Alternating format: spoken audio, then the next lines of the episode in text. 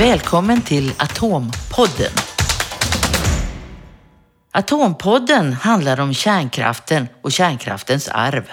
Från drift till slutförvar av det använda kärnbränslet. Det handlar om ansvar i tusentals år. Jag heter Katarina Malmer. I den uppblossade kärnkraftsdebatten har förvaringen av kärnavfall blivit den mest infekterade frågan. Hur ska avfallet förvaras i hundratusen år och vad händer i väntan på ett slutförvar nere i berget i Forsmark? Regeringen har kritiserats för att beslut och tillstånd dröjer.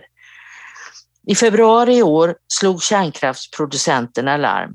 De kan inte fortsätta med sin produktion om de inte blir av med det radioaktiva avfallet. Mellanlagret för använt kärnbränsle i Oskarshamn, det så kallade CLAB, håller på att bli fullt och då måste reaktorerna stoppas. Men nu verkar det inte riktigt så. SKB, kraftproducenternas gemensamma avfallsbolag, har utrymme att ta emot mer avfall ifall de får ett utökat tillstånd. Men de kräver först att regeringen säger ja till slutförvaret och ja till en anläggning för inkapsling av avfallet. Tre tillstånd i ett system, hävdar de. Låsningen verkade total. Men nu öppnar energiminister Per Bolund för att bryta ut ett av tillstånden och låta SKB utnyttja sin kapacitet i mellanlagret från nuvarande 8000 ton till 11 000 ton. Och då kan allt svenskt kärnkraftsavfall få plats. Ingvar Persson, jurist och sakkunnig i Kärnavfallsrådet, regeringens rådgivande organ, han förklarar vilka möjligheter energiministern nu har.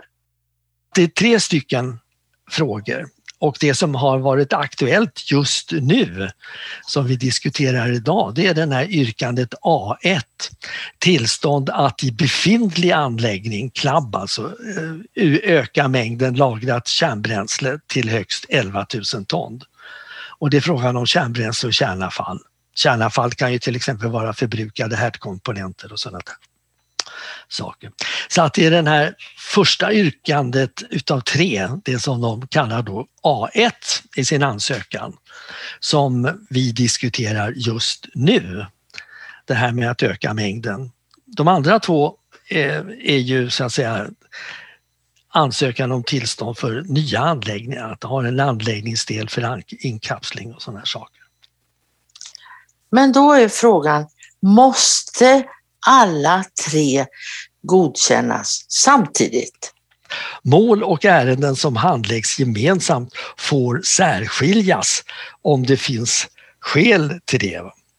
Och eh, Ja, man kan när som helst eh, särskilja de här om det finns skäl.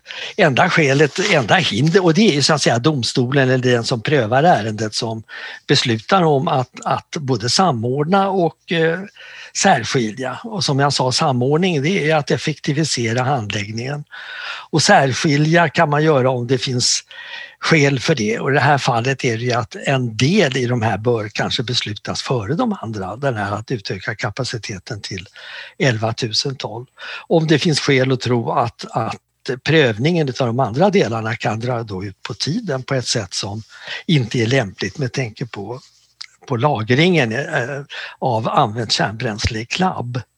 Så att det ska alltså finnas en möjlighet att särskilja dem åt om det finns skäl i det. Det är enda gången som man inte egentligen kan särskilja ett ärende som det är om det skulle ta längre tid med en särskiljning så att säga. Man skulle dra ut på tiden och det skulle då vara till nackdel för eh, den som prövar ärendet, den som, som har ansökt och den som vill ha tillståndet så att säga. Och i det här fallet är det ju precis tvärtom. Det finns ju en fördel genom att ta CLAB-ärendet, själva kapaciteten, lagringskapaciteten i CLAB. Det finns ju en, en fördel att besluta det för de andra delarna. Så att eh, som det står i lagen, mål och ärenden som handläggs gemensamt får särskiljas när det finns skäl för det. Och här tycker, kan man då tycka att det finns ett skäl för det, som sagt. Ja, det, det, det verkar ju som att det skulle vara så, men det är då kommunerna säger att det där är framförallt Oskarshamns kommun säger att eh, det där gillar vi inte utan vi vill att allt ska finnas på bordet innan vi tycker att det är okej okay att utöka i klubb. Har de någonting att säga till om egentligen? Kommunerna kommer ju in, de, vad jag förstår så kommer de in när de vill diskutera vetorätt, för det har man ju då det gäller prövning av ärenden enligt 17 kapitlet. Så att säga, grundregeln när det gäller den här så kallade vetorätten då, det är att det är frågan om en ny anläggning som ska finnas, som ska uppföras då inom kommunens område som kan ha skadliga effekter för miljön och allmänhetens hälsa. Men det är det ju inte frågan om här när det gäller den här delen utav CLAB, nämligen att utöka mängden lagrat kärnbränsle och kärnavfall. Ifrån, I det här fallet från 8000 till 11 000 ton. Utan det här är ju en befintlig anläggning som har då den byggdes syftet att mellanlagra just använt kärnbränsle och det som och härdkomponenter och sådär. Så att det är ju syftet med anläggningen. Och eh, en utökad lagringskapacitet är ingen väsentlig förändring i det här fallet. För att det kan ju vara då så att en, en befintlig anläggning ska kanske byggas till och göras om och sådana här saker. Det blir väsentliga förändringar. Då kan regeringen på framställning från kommunen besluta om att man ska utöka den här vetorätten. Men det är det inte frågan om här utan här är det en, en befintlig anläggning, syftet är klart, man ska mellanlagra använt kärnbränsle och eh, att utöka kapaciteten i Klabb kan knappast sägas vara en väsentlig förändring utan den är både förväntad och avsedd enligt tidigare planer. Och eh, jag ska inte gå in och, och, ha några synpunkter på det men vad jag förstår så pågår just nu förberedelser för fullt för den här typen av förändring, att, utav möjligheten att, att eh, öka mängden lagrat bränsle och så vidare och kärnavfall. Så att det är både en förväntad och en avsedd åtgärd enligt tidigare planer för CLAB. Så man kan inte hävda egentligen någon vetorätt. Det är vår uppfattning enligt eh, gällande rätt från Kärnavfallsrådet. Det är den här typen av råd som vi har gett till eh, miljöministern till regeringen. Just därför att det har blivit en, en diskussion. Vi har väl tidigare inte haft någon anledning kanske att gå in och diskutera de här frågorna om gällande rätt. För gällande rätt är ju gällande rätt och det är den man ska tillämpa så att säga. Men eftersom det har blivit den här diskussionen så har rådet gått in och bara försökt att ge sin klarlägga hur rådet anser att gällande rätt ser ut. Och det är det vi gör. Och där vårat samtal här är väl en del i den diskussionen och den processen som har satt igång. Ja, men då betyder det ju också att regeringen kan eh, säga ja till ett utökat eh, mellanlager eh, innan man säger ja till hela kedjan. Det kan regeringen göra utan att bryta någon lag eller så då? Nej, tvärtom. Det, är i enlighet med lagen. Om det finns alltså skäl att skilja det ena från det andra som det står i förarbetena till bestämmelserna så ska, det, så ska den möjligheten finnas.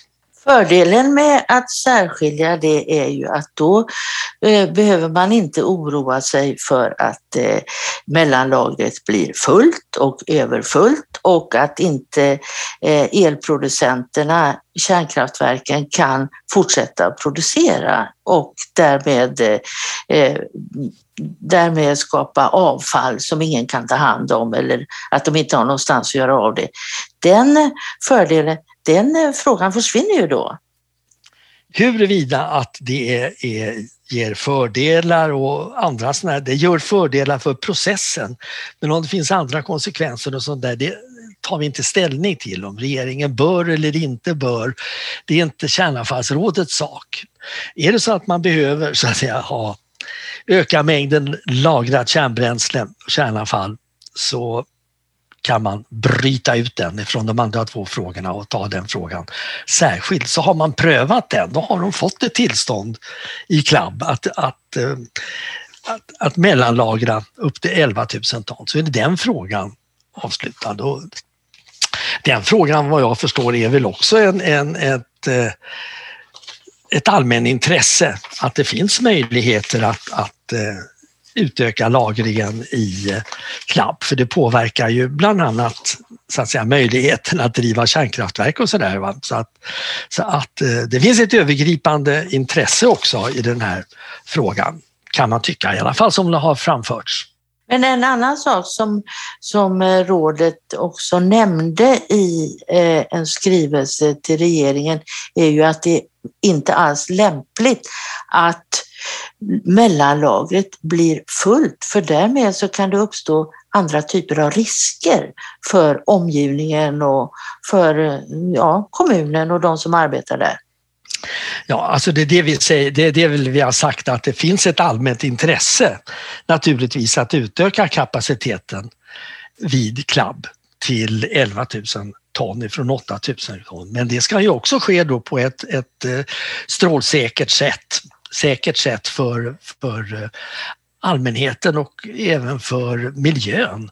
Och det krävs ju då att man utökar kylförmåga och sådana där saker. Jag ska inte gå in på den diskussionen utan att eh, Visst, här, det finns ju intressen och det finns skäl att utöka kapaciteten och de skälen har ju framförts med kraft tycker jag i den allmänna debatten i den här frågan. Och då kan vi peka på att visst, här finns det en möjlighet att i den här samordnade processen bryta ut, som det står i förarbetena, ena från det andra och fortsätta prövningen så att säga. Då känns det ju lite eh, ovidkommande kanske man kan säga att eh, eh, Vattenfall är ute och larmar och säger nu måste vi stänga av och vi kommer att frysa ihjäl om ett par år. Det känns lite ovidkommande. Ja, det där står för dig. Det, Eh, vi tar inte ställning. Vi, vi säger bara att eh, finns det behov av att utöka kapaciteten i klubb och det bör ske skyndsamt så finns det så att säga möjligheter att bryta ut den delen i den här samordnade processen. Här tycker jag också det är en formulering ur, ur propositionen i förarbetena att man kan särskilja ett mål som har förenats om det är till nytta för saken att det ena beslutet tas före det andra kan man säga. Och där kan man ju då kanske ha den synpunkten att det är till nytta för saken att eh, klabb prövas kapaciteten i, klubb så att säga prövas före inkapslingsstationen och, eh, och eh, slutförvaret. Att det prövas särskilt innan de andra två ärendena prövas.